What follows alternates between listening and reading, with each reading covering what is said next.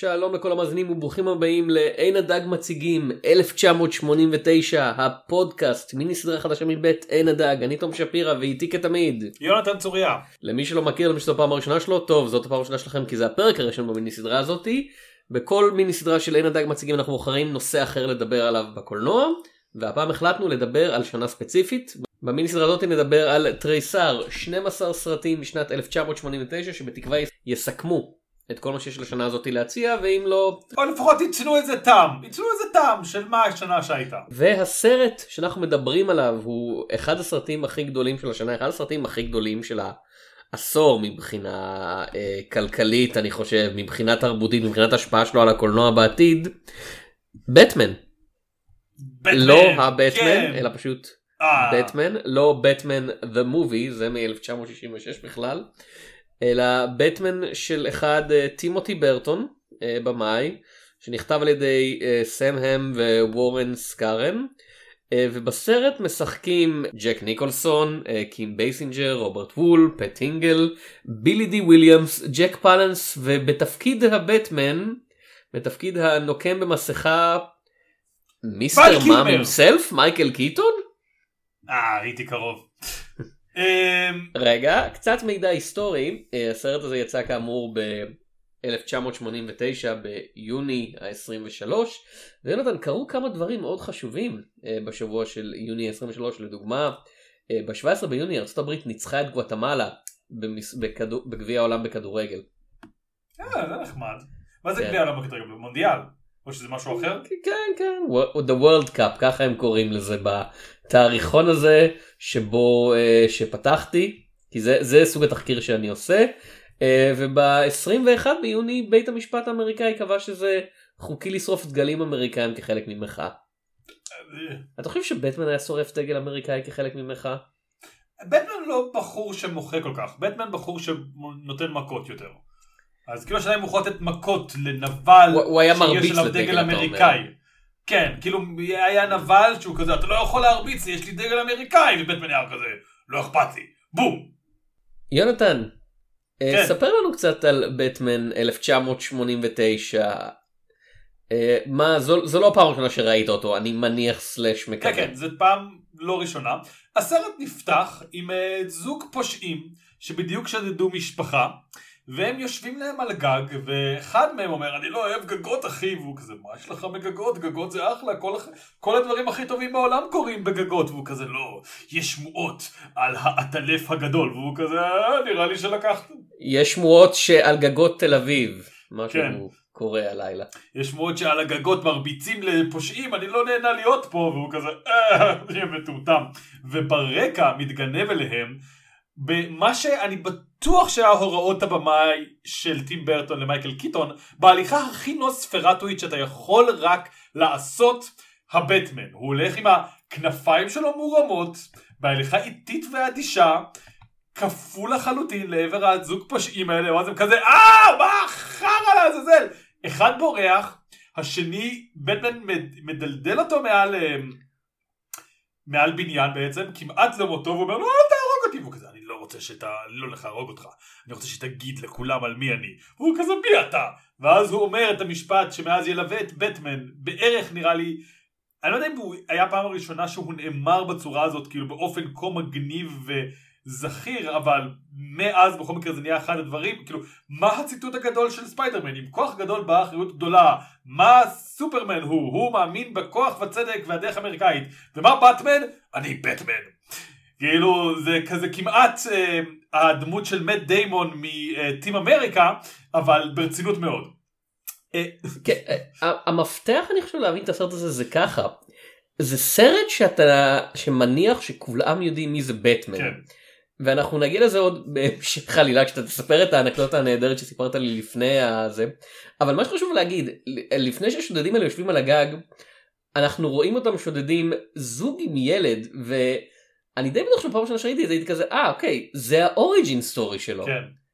זה, זה כזה זה מרגיש כאילו הם עושים איזה take על ה origin story של בטמן של כזה אה אוקיי הנה זוג שיוצא ומסתובבים בעיר המושחתת והנוראית הזאתי ושודדים אותם אבל זה לא כאילו כי מיד אנחנו רואים שהזוג נשאר בחיים והילד כן. ודקה אחרי שהשודדים בורחים אנחנו כבר רואים כזה שוט קצר אינסרט שוט של בטמן מסתכל על הסצנה מלמעלה אז זה כמעט כזה מרגיש שברטון או התסריטאים לא התסריטאים כאילו כי ג'ון הם הוא כן כזה ב... חובב בטמן עד כמה שאני יודע הוא אפילו כתב כמה קומיקסים של בטמן אחר כך רצו לעשות כזה אה הנה טייק אף כאילו הנה כזה פייק אאוט וברטון כזה לא אין לי כוח לזה כאילו זה לא יהיה פייק אה, כאילו אתם אתם זה, זה לא זה לא זה. זה מאוד מוזר. זה מאוד מוזר, ובאמת הסרט, כמו שאתה אומר, מצד אחד. מניע... כן, Hmm? דיברנו אחד על השני. אבל מה שאני רוצה להגיד מה שאנחנו רואים לפני אלו שני הדברים הכי חשובים של הסרט שני הדברים הכי מוצלחים שלהם כל הכבוד לשחקנים ולבימוי דבר שאנחנו שומעים את המנגינה הזאתי כן. את אחת ממנגינות הנושא הכי טובות בהיסטוריה של גיבורי העל כאילו אני אדם ממש גרוע לי, אה, לשאול אותו את השאלה הזאת, אני כן יכול להגיד שכששמתי את הסרט לקראת הצפייה, אשתי לפי הייתה כזה, היי, מה זה, אתה רואה, כאילו היא זיהתה את זה, זה משהו שמאוד קפץ לה, והייתה כזה, אני יודעת מה זה, זה הסרט באטמן הטוב, כי, אני מז... כי המנגינה נשארה לי בראש. אה, אז אה, שוב, אני מאוד גרוע יחסית בנעימות ופסקולים ולשפוט אותם אחת מול השנייה, אבל אה, במידה מעט אובייקטיבית אני יכול להגיד שזה אכן נעימה שאנשים זוכרים גם שנים שהם לא ראו את הסרט. כן. של דני אלפמן אה, ודבר שני אנחנו רואים את העיר גותם שהוצבה על- בשביל הסרט הזה על ידי אה, מעצב אה, הוא זכה על זה באוסקר אני מאמין אנטון פרסט אה, וגותם של, העיר, של הסרט הזה נראית נהדר. כאילו התיאור שלו של העיר הייתה זה כאילו הגיהנום מתפרץ מ, מ, מהמרצפות והמשיך לגדול החוצה. זה, זה תיאור נהדר.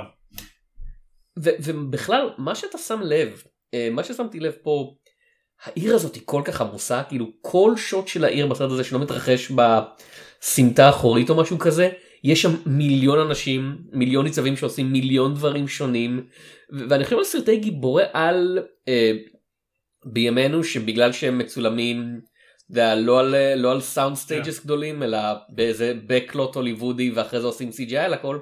הערים שלהם מרגישות רוב הזמן אלא אם הסצנה דורשת את זה נורא נורא ריקות כאילו פה הסצנות שאנחנו מתחילים איתם של העיר הם מלאות בתנועה וחיים לא בגלל שאתה יודע האנשים האלה הולכים לעשות משהו אני- אני- שבטמן צריך להציל אותם בסצנת הפתיחה זה פשוט כדי אה ככה עיר גדולה נראית כאילו עיר, עיר אני לא מוזרה. חושב שהערים דווקא ריקות, כמו שהערים הן לא חשובות. כלומר, ניו יורק בנוקמים היא לא באמת דמות, כמו שגותם היא, זה מאוד כאילו קלישאה, אבל לא, לא, לא דמות במובן של חי, אבל דמות במובן של זה חשוב איפה זה מתרחש, האווירה חשובה, המיקום של זה משפיע על הכל, כלומר יש כאן איזושהי חשיבה לא מהפנים החוצה, כלומר שמה שקורה לדמויות משפיע מבחוץ, אלא מבחוץ הפנימה. גותם, אני לא אוהב את ה... לכן הסתייגתי, אני לא אוהב את ה... אה, העיר היא דמות, אבל היא משפיעה, היא נוכחת, היא... אמ, מרגישים אותה כמו שאתה אומר, והרבה סצנות מתרחשות, כאילו איפה אתה רואה ערים גדולות והרבה אנשים לרוב בסרטי נוקמים? בסצנות אקשן שקורות בעיר, הרבה אנשים בורחים לפה, הרבה אנשים בורחים לשם. כאן הדברים שקורים בעיר זה מסיבות רחוב, מסיבות עיתונאים, אה, סתם עיתונאים, כאילו הדברים מתרחשים ברחובות גותם. זאת עיר חיה, זאת עיר נושמת, זאת עיר כאילו חנוכה וזה, אבל אני מדבר כאילו, זה עיר שרוצים שתראה אותה, שרוצים שתבין מי היא, שזה לא דגש שיש בסרטי גיבורי על, חוץ כאילו נראה לי דרד גם כן, שגם שם זה לא ממש העיר, כאילו מכניסים אותנו מהר מאוד לתוך בניין ספציפי, אבל אין חשיבות לגיאוגרפיה, מבחינת המצב הנפשי, מבחינת הרעיון, כלומר, אה, יש סצנה מאוחר בסרט שהכתב אלי נוקס, נראה לי, אה, אתה יודע, מצלם את האנשים תופסים והוא אומר, אה, אה, תאוות הבצע של גותם. כלומר, זה חשוב היה להם להדגיש שיש משהו בגותם, שזאת עיר מסוימת וזה אנשים מסוימים, וזה בניגוד לגלובליזציה מעט של מארוול וגם של דישי, זה כזה, הכל אותו דבר בכל מקום, כזה, אנחנו בדרום קוריאה, זה פשוט כאילו, יש לך, אתה יודע, את התרחישים שקורים בדרום קוריאה, זה במצרים, המיקום לא משנה, כאילו, ה- ה- החנויות נראות קצת שונה,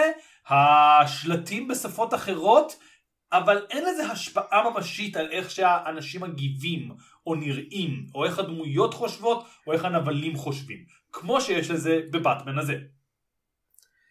כאילו התושבים של גותם אם טאנוס יפלוט שלהם הם לא יברחו הם יהיו כזה היי הזדמנות למות בהמוננו בוא נרוץ לשם. הם לא חכמים, לא. כאילו זה- כאמור זה עיר של אנשים שהם כזה מוות למה לא. אז אני רוצה להגיד, אמרת שה- אה, שיש כאן באמת משהו מעניין, כי הסרט מניח שאנחנו מכירים את באטמן, אה, וכאילו הסיפור האוריג'ין שלו מוצג די בקצרה, עמוק לתוך הסרט. אה, לא מציגים לנו איך הוא נהפך לבטמן אגב, מציגים לנו רק את איך ההורים שלו מתים.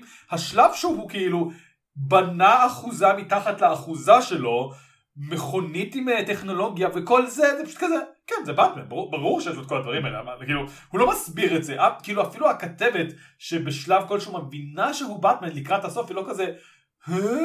הסבר? סימני שאלה היא כזה, וכמובן שיש לך מערה מתחת לבית ששם יש לך את כל הדברים האלה.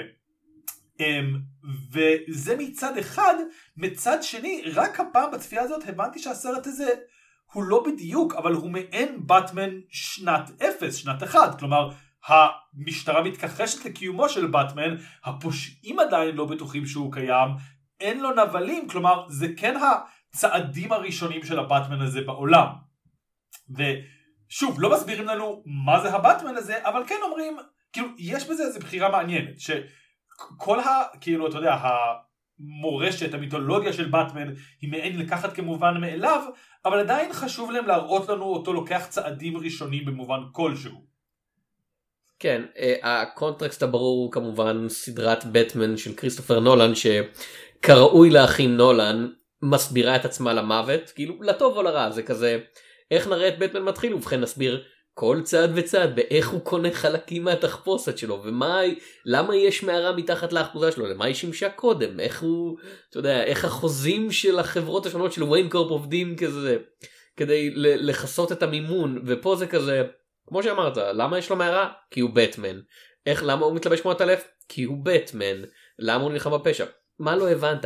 הוא בטמן אני אם אני זוכר נכון כאילו הפוסטרים אתה יודע הפרומושן של הסרט היה פשוט כזה בהתחלה הלוגו של בטמן המילים בטמן כאילו זה וזה כזה והקהל בא כאילו הסרט הזה היה להיט מסיבי כאילו עצום אדיר כאילו מוחץ את התחרות. אה, וזה באמת זה כזה הסרט מניח שאתה יודע ויונתן אני באמת אני רוצה שתספר ל- למאזינים את הסיפור שסיפרת לי לפני אוקיי, שהתחלנו אז- להקליט על הצפייה שלך עם ידידה. אוקיי, אז אמ, כמו שאמרתי, הסרט מניח שהצופים יודעים שברוס ויין הוא בטמן. אין אף סצנה, ואתם יכולים לראות אותי, שבה בשום שלב רואים את ברוס ויין לובש את החליפה של בטמן.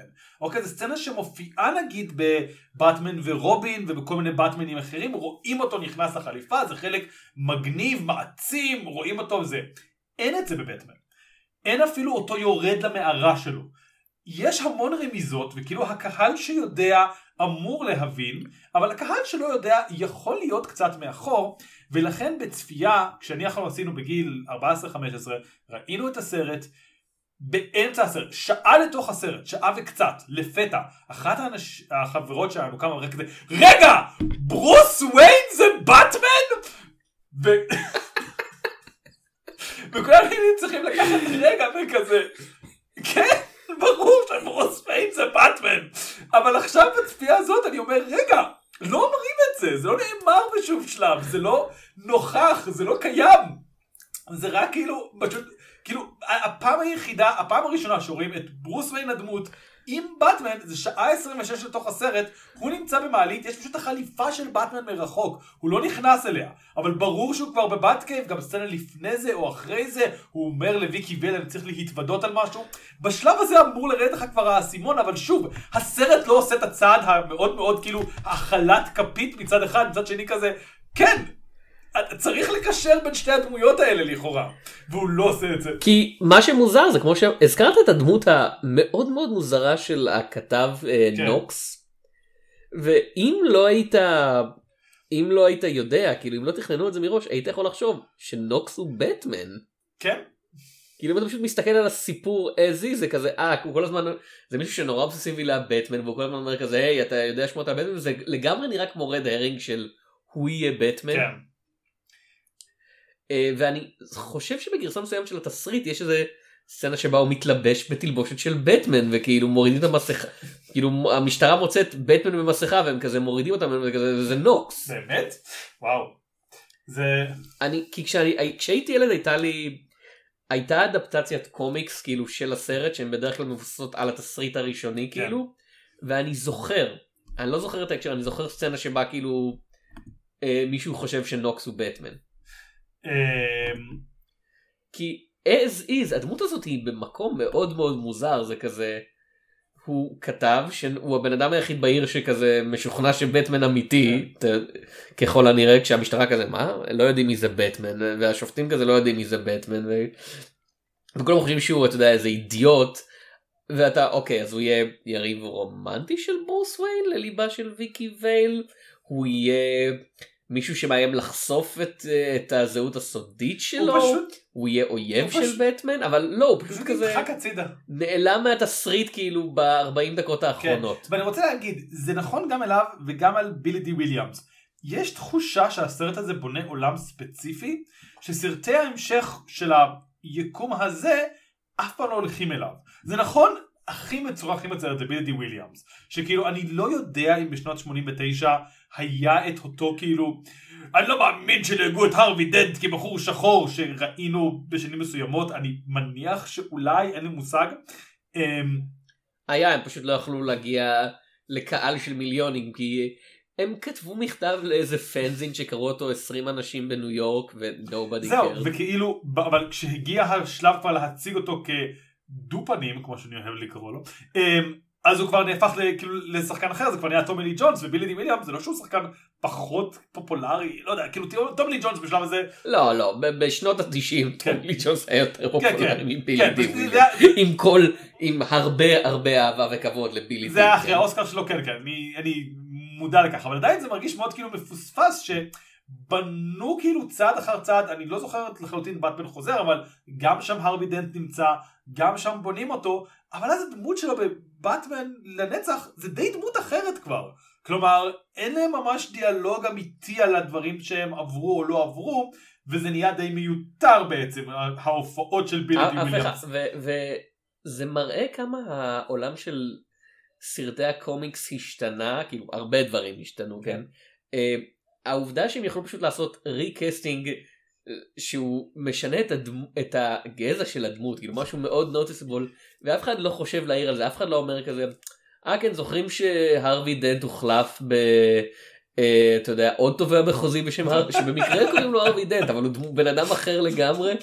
אף אחד לא אף אחד לא מעיר על זה זה פשוט קורה והסיבה שזה מוזר שאנחנו מעירים על זה שהסרט הזה מניח שכולם יודעים מי זה בטמן זה שב-1989 גיבורי על קולנועיים לא היו דבר כזה כאילו סדרת סופרמן כבר הייתה winding down כאילו כן. הי- היינו כבר ב Quest for Peace עדיין לא נכון כן, אבל אני לא בטוח, אני לא, אל תתפוס אותי במילה. כאילו אבל זה זה כאילו סדרת סרטי סופרמן כבר הייתה פחות או יותר כאילו over and done כן. with. אה, לא היה שום דבר אחר כאילו לא לא היו סרטי גיבורי על מה זאת אומרת? מתחרים. היה את סופרגירל והאוורד הברווז. הווארד הברווז זה לא סרט גיבורי על. וזה סרט שמתרחש בעולם גיבורי על. וגם זה רק בקומיקס לא בסרט. ולכן זה לא סרט גיבורי על. אבל לא באמת היה סרטי גיבורי על. בטמן מבחינת רוב הציבור היה אה, אדם ווסט עדיין. זה, זה הסדרה שהייתה ב endless reruns והייתה הדבר שהצ, שהציבור הכיר בתור בטמן. אה, בוא נדבר קצת על זה. בוא נדבר על זה. אה, כי הנרטיב במשך הרבה מאוד זמן היה שטים ברטון והסרט הזה כאילו הצילו את בטמן מלהיות איזה אתה יודע דמות קומית לילדים והפכו אותו לדארקר גריטייר כן. והסרט הזה הוא מאוד אה, מצועצע ואני לא אומר את זה כעלבון אני פשוט אומר את זה כ... הוא כל כך over the top כאילו מילא שאתה יודע בגלל איך שהמגבלה של האפקטים ו... כן. וזה החליפה שלו נראית כמו אתה יודע בימינו היו אומרים אוי זה קוספליי מאוד מושקע או שהוא בקושי יכול ללכת. האנשים נראים מצועצעים כאילו חצי מהשחקנים בסרט הזה עם החליפות שלהם ו- או השוטר אקארט עם הסיגר הענקי כן. הזה בפה שלו הם נראים כמו ילדים קטנים שמנסים את הבגדים של ההורים שלהם או משהו לפורים. אז כן. כזה, כן אני גבר בחליפה כן אני מעשן סיגר פוף פוף אז, אז אני אגיד משהו על זה. העמדה שלי היא שבטמן אי אפשר, לא יודע, לא יודע אם אי אפשר. ככל שאתה לוקח את בטמן יותר ברצינות, בטמן נהיה יותר מטומטם. אוקיי? כן כן בהחלט כאילו Dark Knight אתה יודע כזה ש- שמעמידים פנים שהם עושים סרט של מייקל מן או משהו כזה והם כזה מדברים. "אה, אתה יודע שודדים באו מפה ומפה והם הצוות הכי טוב ואל פצ'ינו עוד מעט יגיע", ואז פתאום אתה יודע המצלמה זזה ובחור בחליפת הטלף עומד שם וכולם כזה אה כן אתה יודע הבחור בחליפת הטלף. כאילו, אז ככל שמנסים יותר ויותר לדבר ברצינות על איך, כאילו תרפיה, כאילו זה... אין שום דבר בבטמן שכשיותר מדי חושבים עליו ברצינות מסתדר, אוקיי? זה לא תרפיה טובה לאנשים עשירים, זה לא עוזר לפשיעה בצורה אפקטיבית, שום דבר בזה לא עובד, אז אתה צריך להפוך את זה במידה מסוימת לטיפשי. וזה מה שאני מאוד אוהב אגב, בעולם של אדם ווסט, ואנחנו עוד רגע נגיע לטים ברטון, בעולם של אדם ווסט, שרואים את הסרטים שלו, זה לא קומדיה, אתה יודע, זה לא כל כך גרוע שזה טוב, זה קומדיה. הם מודעים לכך שמה שהם עושים זה מטומטם, וזה מרגיש לי תמיד כמו עולם שוויתר. עולם שבאיזשהו שלב אנשים אמרו כזה, יש איש בחליפת הטלף, למה אנחנו מנסים? למה אנחנו, למה אנחנו עושים מכנסיים בבוקר? בוא נוותר, וכולם ויתרו קולקטיבית על היגיון או רצף מחשבתי, ונולד לך גיבורי על ונבלי על מטומטמים להחריד, וזה הכל קוהרנטי, כי כאילו בשנייה שיש לך בן פלן, כולם כזה, זה, זה אמור להיות הפתרון לפשע, בטמן, ויש לו ילד קטן רובין שעוזר לו, יאללה, אוקיי, אני הג'וקר, יודע מה? אני מיסטר פריז, או, כאילו כולם ויתרו. וברטון לא שם.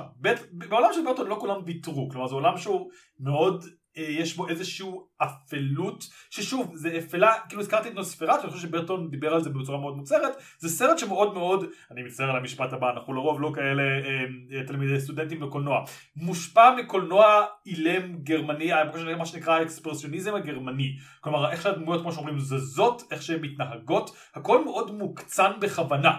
זה תיאטרלי כן. זה סופר תיאטרלי זה- כאילו כשה, כשההנצ'מנים של הג'וקר תוקפים את בטמן הם לא כזה אתה יודע אה, פלנקים ויורים בו הם כזה הם רצים לכיוון שלו והם עושים כזה תנועות מוגזמות ככה שאתה יודע אם אתה יושב בתיאטרון ואתה ב...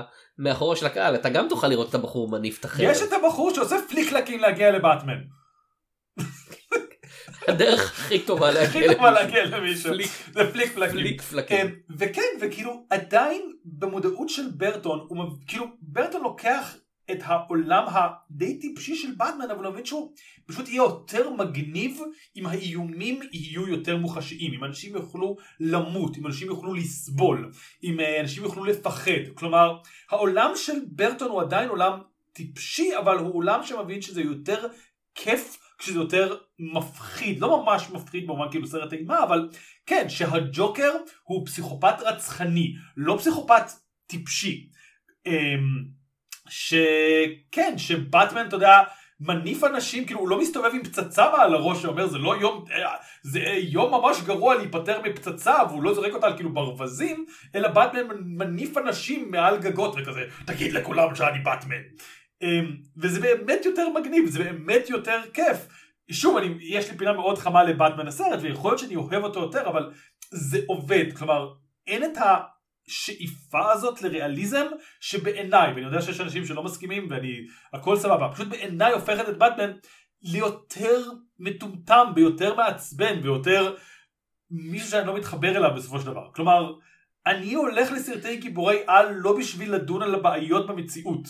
ואני יודע שיש דברים שאפשר לדון בהם במציאות רק דרך פנטזיה ורק דרך הקצנה. אני לא מבטל את זה. פשוט ספציפית באטמן זאת מטאפורה שאף פעם לא עבדה לי לכלום חוץ מלזה שיש איש שמרביץ לאנשים וזה כיף.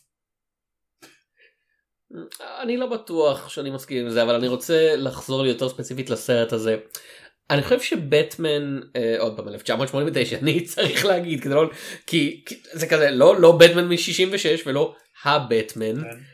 בטמן 1989 אני חושב שזה סרט שחלקים בו עובדים לי כאילו bits and pieces וחלקים לא לדוגמה כמו שאמרנו המנגינה נהדרת העיצוב נהדר כל ה setting של העיר כמקום.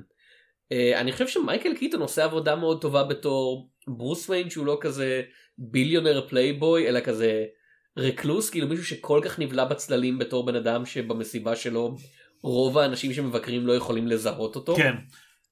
ואתה ואתה קונה את זה ומצד שני אתה יודע כל בטמן שלו יש לו אחלה קול בטמן אתה יודע, זה לא קווין קונרוי שזה הקול בטמן. אבל זה הרבה יותר טוב נגיד ממה שקריסטיאן בייל עשה וזה הרבה יותר טוב מקלוני ואני לא. אני חושב שזה יותר טוב מרוב- זה יותר טוב מרוברט פטינסון או הוא, בן אפלק. מהאלה live action אני חושב שהוא הכי טוב אני לא בטוח איך זה עד כדי כך דיון אבל יכול להיות שזה עניין של גיל אני לא יודע אין לי מושג אולי כאילו יחסית כאילו נולדתי אתה יודע שנה אחרי שהסרט יצא זה לא שגדלתי איתו אבל יחסית גדלתי איתו לפני בייל. כאמור הוא הבטמן שמרגיש לי תמיד על הקו כמו שאתה אומר הוא לא הברוס וויין שלו מתחבר לבטמן שלו אה, ושניהם אתה יודע זה גם אף פעם לא איזה דיון פילוסופי עמוק של כזה למה אני עוזר לאנשים כזה פשוט כזה כן זה דבר שהוא עושה הוא פשוט עוזר לאנשים הוא לא עושה את זה כטיפול בטראומות שלו הוא לא עושה את זה כי הוא בטוח שזה הדרך הכי נכונה להציל את הפשע הוא פשוט כאילו אין כאן משימה פילוסופית גדולה שבטמן הוא ה... אה, אתה יודע האבטר שלה שהוא בא להציג פשוט כאילו הוא לא רוצה שיהיה פושעים הוא הולך להרביץ להם עד שיפסיקו להיות עד שיהיו פחות פושעים. זה הדבר היחידי זה, זה מה שאכפת לו. הוא מאוד באיזשהו מקום בסקאלה קטנה לעומת באטמנים אחרים שאתה יודע באים אה, בסוף האביר האפל הוא מדבר אה המגן שגותם צריכה בטמן הוא לא המגן הזה בטמן של קיטון הוא פשוט הוא פשוט בטמן. מה שהוא עושה זה להרביץ לאנשים אתם צריכים שמישהו יבוא ולהרביץ לאנשים הוא יעשה את זה. ומצד שני אני לא אוהב את ג'וקר של ג'ק ניקולסון. אני לא מבין מה הם עושים פה חוץ מ... יש לנו את ג'ק ניקולסון דאז אחד השחקנים הכי גדולים כאילו שאפשר למצוא. אני לא מה הדמות הזאת כאילו מה הוא כועס על הבוס שלו אה, אבל כאילו ההפיכה שלו לג'וקר לא באמת משנה אותו. מעבר לפיזי כאילו וגם זה אתה יודע פשוט כזה איפור לבן. אתה יודע אנשים אומרים לו לפני זה אתה פסיכופת והוא כזה כן אני פסיכופת ואז הוא נהיה ג'וקר ואתה כזה אתה פסיכופת וכזה כן אני פסיכופת כאילו יש קצת כזה טיקים אבל זה לא- הוא כזה קליפ שמתחילים בחורות כי הוא מוצא אותם יפות והוא הורג אנשים כי הוא אוהב להרוג אנשים אני, אין אני, שום דבר שם. אני אגיד שההבדל בין הג'ק נפייר לג'וקר זה הבדל כאילו בין 10 ל-11 כלומר הדמות נשארת אותה דמות אבל כעד... אני לא זה העניין. 10 ו-11 הייתי נהנה לפחות מרמת הטירוף. אני מצטער כאילו אלא אם אתה מקבל אינרנטית שג'ק ניקולסון הוא 10 אני חושב שזה יותר קרוב לכזה זה 6 ו7 כי ג'ק ניקולסון עשה הופעות הרבה יותר מטורפות והרבה יותר מפחידות לפני זה ואחרי זה. אה, אני... ופה זה כזה אני חושב שיש להם כזה הנחה של כזה טוב זה ג'ק הוא יביא את זה ואני מצטער אני חושב שהרבה מהביקורות שהיללו אותו אז היה כזה. כן זה ג'ק ניקולסון מוודאי שהוא טוב אתה, אתה מגיע לזה בהנחה שהוא יהיה טוב בלהיות הג'וקר כי הוא ג'ק ניקולסון הוא משחק פסיכופטים. אני לא יודע, אני דווקא, לי הוא עובד כאילו, לי הוא עובד כג'וקר, מאוד נהניתי ממנו כג'וקר. אמ, אני, שוב, אולי זה לא 10 ו-11 אלא 9 ו-10, אבל כאילו, שוב, יש כאן איזושהי, אבולוציה גדולה בג'וקריות, והוא נמצא באיזושהי מדרגה של, הוא עדיין כאילו בסך הכל כזה גנגסטר שפשוט אוהב כסף, שזה בסך הכל מוטיב שג'וקרים עתידיים ינטשו לטובת כאילו, שוב פעם, הוא לא סתם נבל שזה, הוא, אתה יודע, נסיך האנרכיה והטירוף, והוא רוצה לזעזע את מוסדות הרעיונות, הרעיונות שאנחנו יושבים ומדברים עליהם. הוא סתם אוהב כסף, הוא סתם אוהב נשים יפות, הוא נהנתן שאוהב לעשות שטויות, אה, והמוות שלו משחרר בו את האפשרות לעשות שטויות בסקאלה יותר גדולה, עם מימון שלא ברור לחלוטין מאיפה הוא מגיע, אבל... כן כמו שאמרנו הסרט לא מסביר לא. שום דבר זה כזה למה יש לו מיליון הנצ'מנים שאתה יודע הוא הורג את הבוס פשע הקודם אוקיי אבל למה שכל האנשים של הבוס פשע הקודם יהיו כזה. כן אנחנו רוצים לעבוד בשביל הבחור הזה שמתלבש אגב, אוקיי וזה זה הבחירה הכי מוזרה בסרט של כזה. אה, הוא נהיה הג'וקר כאילו אז באופן טבעי הפנים שלו לבנות אבל הוא לא רוצה שכולם ידעו אז יש לו אקסטרה איפור אנושי על האיפור ג'וקרי. זה, זה בחירה כל כך מוזרה. זו בחירה שבעיקר אני די בטוח ג'ק ניקולסון אמר אני לא הולך, אין שום סיכוי שאני סרט שלם עם האיפור הלבן המזעזע הזה. לא אבל זה העניין אבל זה לא שבמקום זה הם כזה אומרים אה האיפור האנושי שלך הוא כל כך ריאליסטי לא הוא בבירור לובש טון האיפור מסוג אחר כאילו. אני, אני, אני יכול לא- לכבד את זה לא- שאתה לא רוצה ללכת עם פנים לבנות כל היום, אין לי מושג. לא, אני, אני מבין, אבל אם, עוד פעם, אם זה היה פשוט באופן די מפורסם, אתה יודע, אחרי שסרטי איירון מן יהיו גדולים, רוברט דאוני ג'וניור היה כזה, אני לא לובש את ה prosthetics יותר, אתה יודע, אחרי אבנג'רס זה, זה יהיה הכל, אני אלבש מה ש... אשכרה אני אלבש מה שבא לי, בגלל זה הבחירות לבוש של טוני סטארק מאוד מוזרות בסרטי הנוקמים המאוחרים, ואתם תעשו CGI מסביב לזה, אבל זה לא ככה, כי הוא כן לובש טון האיפור בתור הפנים האנושיות של הג'וקר, זה פשוט איפור מסוג אחר. אז זה כזה, בגלל זה, זה לא... אה, הוא בטח הכריח אותם, אין לי זה מושג. נראה לי כמו משא זה. ומתן שהוא התחיל כזה, אני לא יכול להיות ג'ק ניקולסון כל הסרט. והם היו כזה, "אתה- לא, אתה הג'וקר, והוא כזה, טוב, אז אני בלי פנים לבנות. והם כזה, אוקיי, בסדר. כאילו, זה, אני לא יודע, זה באמת מרגיש מאוד כמו, כאילו, כי, כאילו זה לא שכשאנשים רואים את הפנים הלבנות שלו הם כזה אוי לא פנים לבנות אף אחד לא מתייחס לאלמנט החריג בפנים הלבנות שלו יותר מדי. זה לא באמת מוסבר. אני יכול להגיד שיש כאן בחירה מסוימת לגבי הג'וקר, פרשנות מסוימת, שלא קיימת בגרסאות אחרות ואני...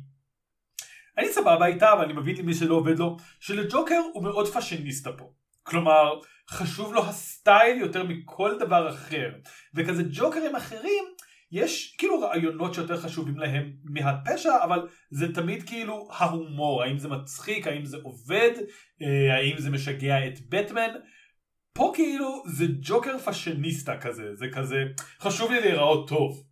זה מה שאני רוצה, אני רוצה לראות הכי מגניב עכשיו, מגניב בשבילו זה משהו מעוות יחסית, אבל אתה רואה איך זה מלווה אותו, כלומר, אה, איך זה מה שהוא חושב. אז לי אישית הג'וקר עובד, אם יש חלק בסרט הזה, שאני לא אגיד שהוא לא עובד, אבל הוא פחות עובד וזה לא אשמת אף אחד מהצדדים דווקא, זה קים בסינג'ר כוויקי וייל.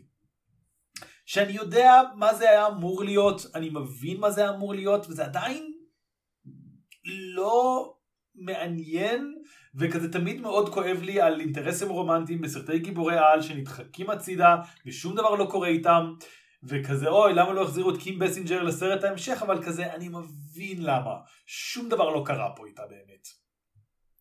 לא, אלפרד מכריח את ברוס וויין כזה להתחיל איתה יחסים, וברוס וויין כזה, "אני- אני לא רוצה, אני נלחם בפשע, אין לי, אין לי כוח לזה. אה, אה, אחד הדברים שאני הכי זוכר מבטמן חוזר, זה הפתיחה שבה בטמן מופיע בפעם הראשונה בבטמן חוזר, שבה הבט סיגנל מאיר ואז בתגובה כזה יש מערכת בתוך האחוזה של וויין שמאירה עליו כאילו.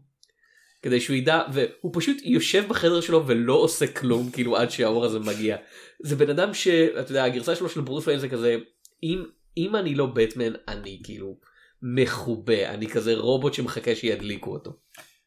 ויחסים אתה יודע ובטמן חוזר הם כזה מצאו לו פשוט מישהי שהיא פסיכופתית יותר ממנו ו- וזה קצת מעיר אותו ופה זה כזה אה היא מוסאווה נורמלי לגמרי כאילו ו- אה, וזה מרגיש באמת שהתסריט כזה מנסה למצוא דרכים לשים אותם ביחד והם לא ממש יודעים מה לעשות עם זה. שוב, כאילו אין כאן, לכאורה אמור להיות כאן, כאילו אתה יודע, לא כאילו האשמה זה בבירור המפיקים מלמעלה שהכניסו כזה סקריפט של כזה אוקיי אבל מושא האהבה של ברוס וויין היא דה דה דה כי התסריט לא מעוניין בה השחקנית כזה אין לה מה לעשות הבמאי כזה אתה יודע מבחינתו מושא האהבה שלו זה הג'וקר או פרינס או פרינס, אה, שוב, כי אתה רואה אותה, זה לא שזה דמות כאילו בנאלית לחלוטין, אתה יודע, היא הלכה לצלם, לא בחומראז', איפה היא צילמה? כן בקמבודיה, איפה היא צילמה? אה, לא לא היא צילמה בקורטו מלטיז אה, וזה קצת כזה אה, פרט טריוויה אה, בסדרת הקומיקס המפורסמת בטמן Dark Knight Returns יש אי אה, דרום אמריקאי אני מאמין שבו ארצות הברית והסובייטים נלחמים כדי שנות ה-80 ולאי קוראים קורטו מלטיזה על שם דמות הקומיקס האיטלקית המפורסמת קורטו מלטיזה. וואלה. והם פשוט התסריטאים כנראה לקחו את הפריט הספציפי הזה וזה הפך להיות השם של, אה, של מקום בקולנוע וכמה עשורים אחר כך בסרט The Suicide Squad זה האיש שאליו החוליה נשלחת לכאורה אם תשים לב לאי קוראים קורטו אה, לא מלטיזה. שמתי לב, זה חמוד. פרט כן. קשור חמוד. בכל מקרה, אז כאילו, נתנו לה דברים, נתנו לה גם איזושהי כאילו, אמ, היא, מעוניינת במקאברי. כן, כאילו. לא, כאילו נתנו לה, נתנו לה אופי ואפיון, ואפילו אתה יודע, כאילו, היא לא סתם כזה, אה, על מה במצוקה שהולכת לפה והולכת לשם, יש לה תחומי עניין ודברים שעושים איתה, וזה עדיין לא עובד, היא פשוט כאילו, ושוב, זה לא שקים מסנג'ר היא שחקנית גרועה או משהו, וזה לא שזה פשוט, זה בשום שלב לא מתחבר, כאילו, ה, אני מרגיש שלא, כאילו, הנגידו יותר מדי את העובדה שכמה היא לוהטת אחרי הבטמן, וכמה ברוס ויין רוצה שהיא לא תדע, כלומר, זה לכאורה אמור להיות הדילמה, כזה, אה, היא רודפת אחרי הבטמן, הוא הבטמן אבל הוא לא אומר לה. אבל זה בשום שלב לא דיאלוג שקורה, זה לא כאילו חיכוך שהם נותנים להיווצר. החיכוך היחידי שיש להם כדמות זה באיזשהו שלב הוא מפסיק להתקשר אליה, ואז הוא בא להתנצל ואז הג'וקר בא. אבל אין להם דינמיקה, אין להם דברים שהם רבים אליהם או מסכימים עליהם. הם ביחד פשוט, הם פשוט ביחד בסרט הזה. ושוב, זאת לא דמות גרועה, הדינמיקה שלה עם נוקס נגיד, זו דינמיקה ממש כיפית, הם ממש חמודים ביחד. אבל הדינמיקה שלה עם באטמן, וגם עם הג'וקר, אבל זה כאילו מה שלא יהיה, היא פשוט לא מתרוממת לשום דבר, שום דבר לא קורה, אין, אין כאילו גיצים, אין שני אבני צור לעשות איתם גיצים. השני אבני צור יושבות שם ובוהות אחת בשנייה. אה, בוא נדבר על הדמות ועל השחקן הכי טובים בסרט. אה, טרייסי וולטר בתור בוב. בוב זה ה henchman שהג'וקר הורג בסוף? בוב the henchman של הג'וקר כן. הוא דמות מאוד חביבה, אני מחבב אה, אותו מאוד. עוד פעם זה באמת כזה ה right hand man של הג'וקר שמתייחס להכל בכזה טוב אז הבוס שלי ליצן רצחני עכשיו. בסדר. את מה אתה רוצה? כן בטח נתפוס את הבטמן. לא אין בעיה. ובס- והסוף שלו שכזה ג'וקר כזה תן לי אקדח. ובוב נותן לו אקדח והוא יורה בו. זה סוף טרגי. היי טרייסי וולטר. היה לי עצוב. אני כן. רוצה לציין שאני מחבב במידה מסוימת שבשלב הזה כאילו רואים איך הבטמן התגלגל כי כזה בימינו מה הליהוקים הכי חשובים לבטמן? מי זה באטמן מי זה אלפרד? מי הנבלים? ומי מפקח גורדון. ופה מפקח גורדון הוא דמות משנית לא חשובה למי אכפת ממנו? הוא יכל באותה מידה בקושי להיות בסרט וזה לא היה משפיע בשום צורה. כאילו זה עוד אחד מכזה אנשי הממשל הרבים בין התובע המחוזי וראש העיר וכזה. אף פעם זה לא חשוב מי ראש העיר בבטמן הרי אז כזה זה באותה מידה פה להקום מישהו להיות המפקח גורדון. והוא עושה עבודה טובה באיזשהו מקום כי הוא משוחרר מלהיות דמות עם פאתוס ומורשת. פשוט כזה פשוט מפקח של משטרה אבל זה עדיין מאוד משעשע לראות כמה הדמות הזאת כאילו אם היו, אם המפקח גורדון היום, אז היה מה שהוא היה היום, אז כאילו התפקיד הזה היה הולך ל... לא יודע, קלינט איסטווד, לא יודע קלינט איסטווד, אבל כאילו שחקן אה, מאוד גדול שבדיוק כאילו קצת ירד הכוכב שלו, אבל הוא... כאילו אם אתה רוצה את זה ככה אז פטינגל הופיע בדי הרבה סרטים של קלינט איסטווד ומסתבר היה חבר חבר שלו. אה, שוב, זה לא היה אה, משהו. הוא הוא היה בהגמאי הוא היה בסאדן אימפקט. אני אומר, שחקן כזה, לא יודע, ש... שחקן בן 50 שבדיוק, זכ- שזכה באוסקר לפני איזה עשור, לא יודע, ג'ק למון, אין לי מושג, אוקיי? אבל אני אומר כאילו, היו נותנים את זה למישהו שאתה יודע, שאנשים פשוטים יודעים מי הוא. כאילו הליהוק הגדול העיקרי בסרט בטמן זה זה ג'ק ניקולסון וכל השאר זה כזה גם כן. שם. כאילו ג'ק פלנס אני מניח אה, למרות שאז הוא כבר היה כנראה קצת אחרי השיא כן. שלו כאילו בילי די וויליאמס שהם בנו אותו כמו שאמרת למשהו אבל עוד פעם מייקל קיטון זה זה באמת כזה אתה יודע אנחנו שנינו אה, ותיקי נדג אנחנו זוכרים את אה, מלחמות אה, הית' לדג'ר אה, מלוהק בתור הג'וקר וכולם כזה נו באמת. כאילו מייקל קיטון כמו שאמרתי בתחילת הפודקאסט הזה היה אז קומיקאי הוא היה Mr. Mom ו Beetlejuice ואנשים כעסו. כאילו, אני לא יודע לגבי בילי די וויליאמס אבל אנשים מאוד מאוד כעסו על מייקל קיטון שלחו אתה יודע חתימות לעיתון של כזה אנחנו המעריצים אה, מתנגדים וטיפ מספר אחד לדיונים באינטרנט כשמישהו אומר המעריצים חושבים או המעריצים מאמינים אתה יודע שהוא מדבר שטויות כי אין, דבר, אין גוף אחיד כזה שנקרא מעריצים בשום ז'אנר ואני כולל את זה בפ... גם כשאני חבר בפנדומים שיש בהם עוד 27 אנשים חוץ ממני אני לא זה כמו אתה יודע שתי יהודים שלוש כן. דעות אז אז חמיש, 50 מיליון מעריצים אה, גוגל פלקס של דעות אבל הנה כאילו. השאלה שלי, אוקיי, הם לא רצו את מייקל קיטון כי הוא זה, מי הם כן רצו? מי היה הליהוק באטמן בראש של המעריצים? אבל אין דבר כזה עוד פעם אני לא יודע היה כל מיני אנשים שחשבו כל מיני בטח היה מישהו שחשב כמו שאמרת על קלינט איסטווד כן אני בטוח שהיה מישהו שחשב על קלינט איסטווד מישהו אמר "אה, בטח חשב ארנולד שוורצנגר כי הוא היה כוכב גדול. זהו, אבל ארלון הוא באמת שוורצנגר צריך להיות גדול לא ושרירי. כאילו, לא כאילו זה הקטע, הכוכבי אקשן של אז לא מתאימים כל כך להיות בטמן. אז כאילו צריך להיות מישהו שהוא מצד אחד, כאילו את בן אדם היחידי שאני יכול לחשוב עליו, ואני מניח שהם גם היו אומרים נגד הליהוק הזה, זה תום קרוז. אבל כאילו, אני לא בטוח שאני רוצה את תום קרוז כבטמן. ואני לא חושב תום קרוז היה רוצים- אז צעיר מדי.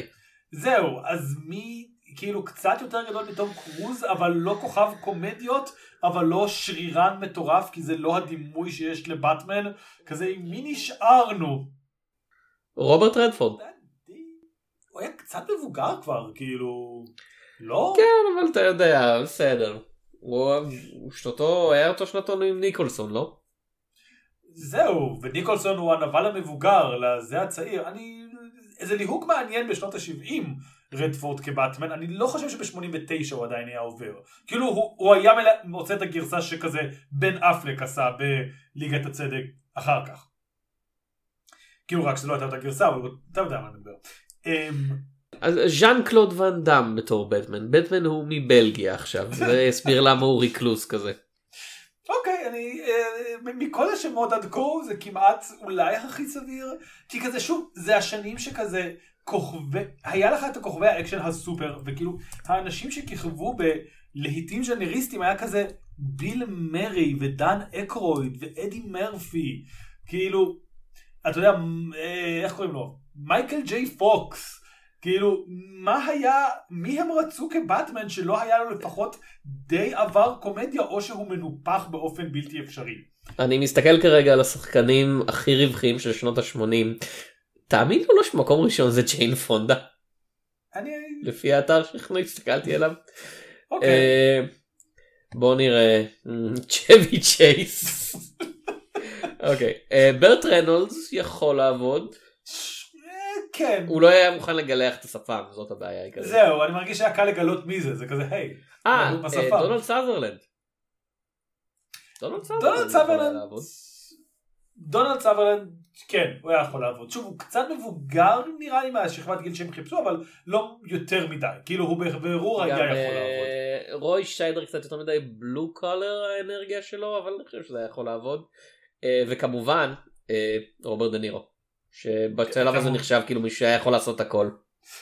טוב, זה קודם כל נכון. רו- רוברט דה נירו בשנות ה-80 עדיין יכל לעשות הכל. אה, אני, אני סקרן לראות את הבטמן שלו, אבל לא, מהשמות האלה, תן לי את זה שלוש שנים לפני, ואני... וויליאם הרט. וויליאם הרט זה היה יכול להיות אופציה כן. אה, אני לא יודע אם הם היו זורמים איתנו, כאילו, הם, הוא מאוד שחקן דרמטי זה, אבל אני חושב שהוא יכול, כאילו, יש לו גם את, כאילו, כ- כמו שלכאורה אה, העדויות אומרות לאחר מותו, יש לו את ה flip side הזה של אני מאוד נחמד, אבל אני ארביץ לך כשאנחנו נגיע הביתה. אני לא חושב שכדאי לעשות את הדברים האלה עם וויליאם הרט. אה, מריל סטריפ היא הייתה יכולה לעשות הכל גם. מריל. סטריפ הייתה יכולה להיות, אני רוצה אותה בתור. הג'וקר, אם כבר אנחנו משנים ליהוקים.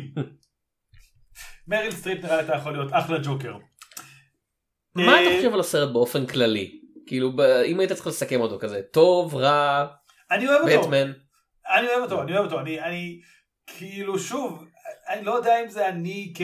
אתה יודע, מישהו לא מרוצה, אבל אני באמת מרגיש שכזה, הרצון של החברה שלנו לעשות עוד ועוד גרסאות של באטמן, כשדי קלענו בפעמים הראשונות, זה פשוט, זה פחות כזה, לא, יש לנו משהו חדש להגיד על הדמות, ויותר כזה, אנשים רוצים פשוט לראות עוד באטמן, ומייקל קיטון כבר זקן מדי, אז כאילו, בוא נעשה גרסה חדשה של באטמן, אה, בטמן. כאילו, זה עבד, לי זה עבד נורא, בסרט ההמשך אני צריך לראות, אולי אני אשנה את דעתי, אבל הסרט ההמשך עובד אפילו יותר טוב. זו גרסה טובה של באטמן, ואני לא הייתי צריך עוד 1, 2, 3, 4, 5, 5 גרסאות אחר כך של הדמויות שהיחידי שכאילו קצת באמת נתן באטמן בכיוון שונה לחלוטין זה דווקא בן אפלק מכל האנשים.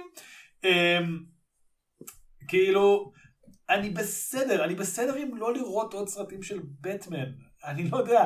ושוב, יש אנשים שהם לא בסדר, הם צריכים עוד בטמן, וכיף להם, וטוב להם. יונתן, אני מצטער להודיע לך שעד 2030 כל סרט שני יהיה בטמן. אבל זה מרגיש ככה, כלומר, זה קצת היה כמו המצב עם ספיידרמן, נכון? כאילו היה לנו את הכזה עשור של ספיידרמן, שב-2007 היה לנו עדיין את טובי מגווייר, באמצע היה לנו את אנדרו גרפילד, ואז עכשיו יש לנו את זה. אנחנו עכשיו, כן, עכשיו 2022, עברנו שלושה בטמנים, רק שלושה? כן. אנחנו בבטמן השלישי שלנו תוך עשור, אוקיי? היה לנו את- ב-2030 תום הולנד יהיה בטמן. יש מצב. וכזה, זה פשוט, שוב, אולי בעוד עשור מעכשיו, כשזה יהיה רק פטינסון, ובאמת כאילו, הוא צעיר, יש לו זמן להתפתח, יש לו זמן לעשות את זה בדיוק כמו שהם אוהבים, נפלא, אבל זה באמת מרגיש לי יותר מדי בטמנים. הוא אה, צעיר? רוברט פטינסון עדיין צעיר? 30 ish? הוא לא בן 40. אה, רוברט פטינסון הוא בן 35 ואוטוטו מסתבר שהיומולדת שלו ב-13 במאי אנחנו מקליטים. בשמיני סודות הקלטה הוא יהיה בן 36 כבר. הוא צעיר ממני בסך הכל אוקיי, בשנה אז הוא- כאילו אוקיי, אז כאילו הוא לא... זה- הוא עדיין... האיש רואה את ה-40 אני אני מעניין אותי לדעת בין כמה מייקל היטון היה כשהוא שיחק את בטמן. אה, הוא נולד ב-51 הוא שיחק את בטמן אז 89. 38. אז 88 כזה. כן ההבדל לא כזה גדול כאילו. לא, לא כזה גדול. אבל, בטי, אבל פטינסון נראה יותר צעיר קצת מקיטון. כאילו יש בקיטון משהו. כן כן יש לו. אנרגיה כזאת באופן גם גם בלי כן. קשר לבטמן. אה, אני חושב אה, שהסרט הזה הוא כאמור. אני אוהב כן. חלקים ממנו. כן. אני אוהב חלקים ממנו. אני לא. החוויית צפייה היא כזה אה זה כזה עוד פעם אני נהנה מ- אני נהנה מפרטים בתור שלם אני כזה. זה, זה נחמד שזה smaller scale כאילו שהג'וקר הוא לא כמו שאמרת כוח של כאוס אבל מצד שני זה כזה אבל מה הג'וקר רוצה פה מה המזימה שלו זה להרוג אנשים בשביל כי כי כמו שאמרת הוא לא מטורף שלו. כדי שזה יהיה פשוט ניהליזם של בוא נרצח את כולם אבל אני אני לא קונה את זה אני אני כזה אני אני אוהב את הבטמן של הסרט הזה אני לא אוהב את הג'וקר שלו וכזה סרטי בטמן כמו שלמדנו מוגדרים על ידי נבל טוב הרבה פעמים כאילו טוב, אז צריך בשביל, אז בשביל אנשים כמוך יש את באטמן חוזר. כן בהחלט או פשוט את הסרט המצויר. כן. אה, אוקיי יש לנו בכל מיני סרט אנחנו ממציאים משחק חדש אה, והפעם יש לנו משחק אה, חד צדדי שבו אני שואל את יונתן שאלה אני בוחר את סוף השבוע שבו הסרט יצא במקרה הזה אנחנו מדברים על ה-wide release. אה, נשתדל שזה יהיה תמיד ככה אם כי לפעמים אתה יודע אם נבחר סרטים קטנים יחסית יכול להיות שזה לא יהיה ה-wide release ואני אומר ליונתן לבחור בין הסרט שאנחנו מדברים עליו לבין הסרטים האחרים שהיו בטופ 10 של הבוקסט אופיס אה, באותו שבוע. אז אנחנו מדברים על ה-23 ביוני 1989. אה, במקום ראשון יונתן תתפלא לשמוע הסרט הוא בטמן. לא יכול להיות. כן איזה כן. מזל של במאי אינדי קטן טים ברטון שכבר בסרטו השלישי? כן, נראה לי. אה, לנו. במקום. השני זה חגיגת אפקטים לכל המשפחה של וולט דיסני עם מישהו שלימים יהיה במאי של אה, אחד מסרטי מארוול הראשונים. אתה יכול לנחש מה זה אגב? אם מישהו שלימים יהיה הבמאי של זה חגיגת אפקטים זה live action או מצויר? כי אם זה מצויר... live action. לילדים סלש כל המשפחה כזה. לא, אני לא חושב שאני אצליח... זה. של ג'ו ג'ונסטון. Mm, אה, הצילו השתרה, שירקתי, זה שירקתי. I shrunk the kids זה מקום שני. קיבצתי ילדינו. מקום כן. שלישי Ghostbusters 2. מקום רביעי אינדיאנה ג'ונס and the last crusade. מקום חמישי Dead Poet Society. מקום שישי סטארטרק 5 The Final Frontier. שביעי Field of Dreams. שמיני See No Evil Ear No Evil. תשיעי Roadhouse ועשר No Holds Barred שזה אני מאמין אחד הסרטים הראשונים של כוכב הקולנוע הלק הוגן. אוקיי. אה, אה, לפחות שניים מתוך הסרטים האלה אגב אנחנו לא נגלה איזה יופיעו בהמשך המיני זהו, כן, הזאת. זה זה מה שאני רוצה להגיד. אמ, תראה, אל תגלה להם. אני לא אגיד עליהם. אז אני אה, אה, אבחר סרט אחד, שאני לא יודע אם אני מעדיף אותו על בטמן, הם עושים דברים מאוד שונים, אבל זה סרט שאני מאוד אוהב. No Evil, Hear No Evil היה קומדיה של ג'ין וילדר וג'ין ויילדר וריצ'רד פריור, אלא אם כן זה גרסה אחרת, וזה לא הסרט הזה, אז זה הזמן טוב להגיד לי, פשוט עם שם דומה. אה, שג'ין ויילדר מגלם עיוור, אה, ו... לא, ג'ין ויילדר מגלם חירש, ריצ'רד פריור מגלם עיוור, או משהו כזה, הם יוצאים להרפתקאות, קווין ספייסי רודף אחריהם. אה, זה סרט מטומטם, כאילו ראיתי אותו בגיל שאתה רואה סרטים מטומטמים, אתה כזה, זה נפלא. וזה באמת מבחינתי נפלא, זה סרט מטומ... כאילו סתם טיפשי. אה, אני מעדיף בגדול את בנמן עליו, כאילו אם צריך לצפות בסרט עוד פעם, אבל זה סרט שאני חש אה, חיבה גדולה אליו. אה, וזהו, כן, אני לא בטוח, נכשלתי במשחק, אני לא בטוח מה הייתי אמור לעשות. היית אמור להגיד איזה מהם אתה מעדיף לראות אז אה, אתה אומר שאתה מעדיף לראות את באטמן תכלס כאילו מכל הרשימה הזאתי. אמ, תראה, יש כמה שם שלא ראיתי או לא ראיתי הרבה זמן, כאילו את הצילו קיבצתי ילדינו ראיתי אה, רק אה, כילד, אז אני מעוניין, כאילו אני זוכר סצנות מאוד ספציפיות משם משום מה, אני זוכר שהברקסים של המכונית בהתחלה נופלים או בסוף, אני לא זוכר איזה פרט משמעותי או סתם בדיחה על כזה מישהו שחוטף בסוף פאי בפנים, אני זוכר את זה, אני זוכר שהם בדשא, ואני זוכר שאת הסצנה עם הדגני בוקר. זה מה שאני זוכר מהסרט הזה. אה, כן, בעשירייה הזאת אני די חושב שאני בוחר את באטמן, אבל שוב, סינו איבל, לירנו איבל, הוא מקום שני צפוף נטו בשביל לגלות אולי אחר כך כזה, אה לא, הייתי צריך לבחור בבאטמן, מה חשבתי. אה, אבל אה, כן. טוב אז אה, זה היה 1989 הפודקאסט אני הייתי תום שפירא. אני הייתי יונתן צוריה. ועד הפעם, ועד הפעם הבאה נתראה בסרטים של 1989.